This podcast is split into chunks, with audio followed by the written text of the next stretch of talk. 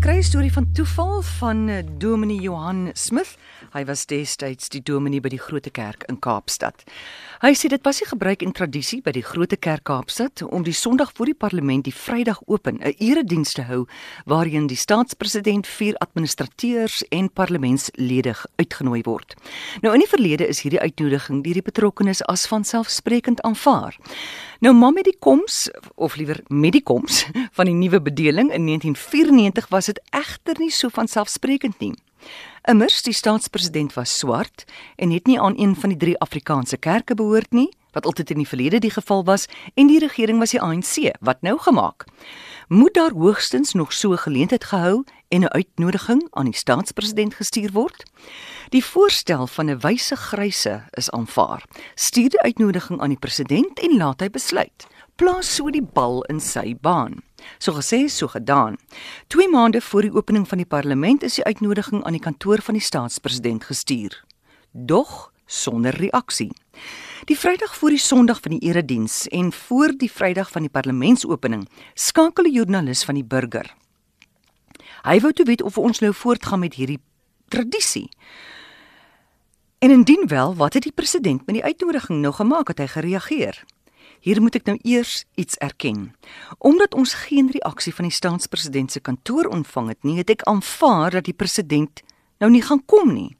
En nou my erkenning, ek het skoon van die uitnodiging en die preek wat daarmee gepaard sou gaan vergeet, met die gevolg dat ek 'n preek voorberei het wat glad nie met die moontlikheid rekening gehou het nie. Dis belangrik om hiervan kennis te neem met die oog op die verhaal van toevallig. Ek wil dit weer beklemtoon dat my preek op die Vrydag van die joernalis se navraag reeds klaar was en glad nie voorberei was met die oog op meneer Mandela se besoek nie. Nou voort met die storie. In antwoord op die joernalis se vraag moes ek hom meedeel dat ons wel 'n uitnodiging gerig het, maar geen reaksie gekry het nie. Ons het aanvaar dat met die verandering van die regering die skrywe seker maar iewers verlore gegaan het. Die Saterdag verskyn daar 'n berig in die burger wat melding maak dat die Grote Kerk, Grote Kerk meneer Mandela uitgenooi het na die tradisionele erediens, maar geen reaksie ontvang het nie. Daai selfde Saterdagmiddag 5uur skakel meneer Jakes Gerwel, privaat sekretaris van die president my. Hy deel my mee dat hy kennis geneem het van die berig in die burger. Die president sal wel môreoggend die diens by bywoon sê hy en hy vlieg spesiaal van Pretoria na Kaapstad om die diens by te woon.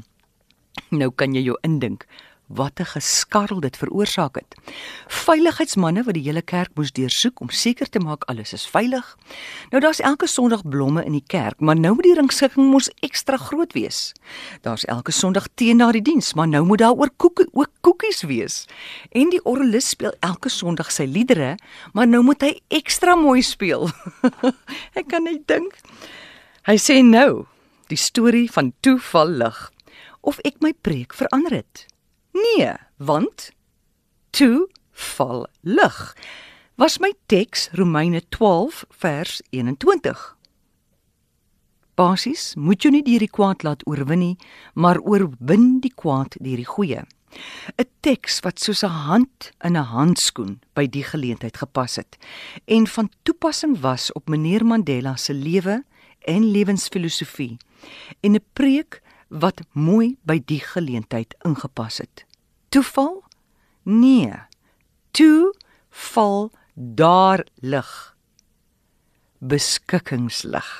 Nou ek het vir jou 'n foto op ons webtuiste by Gehoor op lig van Dominee Johan Smith en Madiba. Dan langsaan dit het ek vir jou nog 'n foto van 'n briefie wat Madiba vir hom na die tyd geskryf het en dit is vir my so mooi. Hy sê daarop hy vra groot om verskoning vir die dominee vir sy karige bydrae in die kollektebord want hy die oggend sy beursie by die huis vergeet.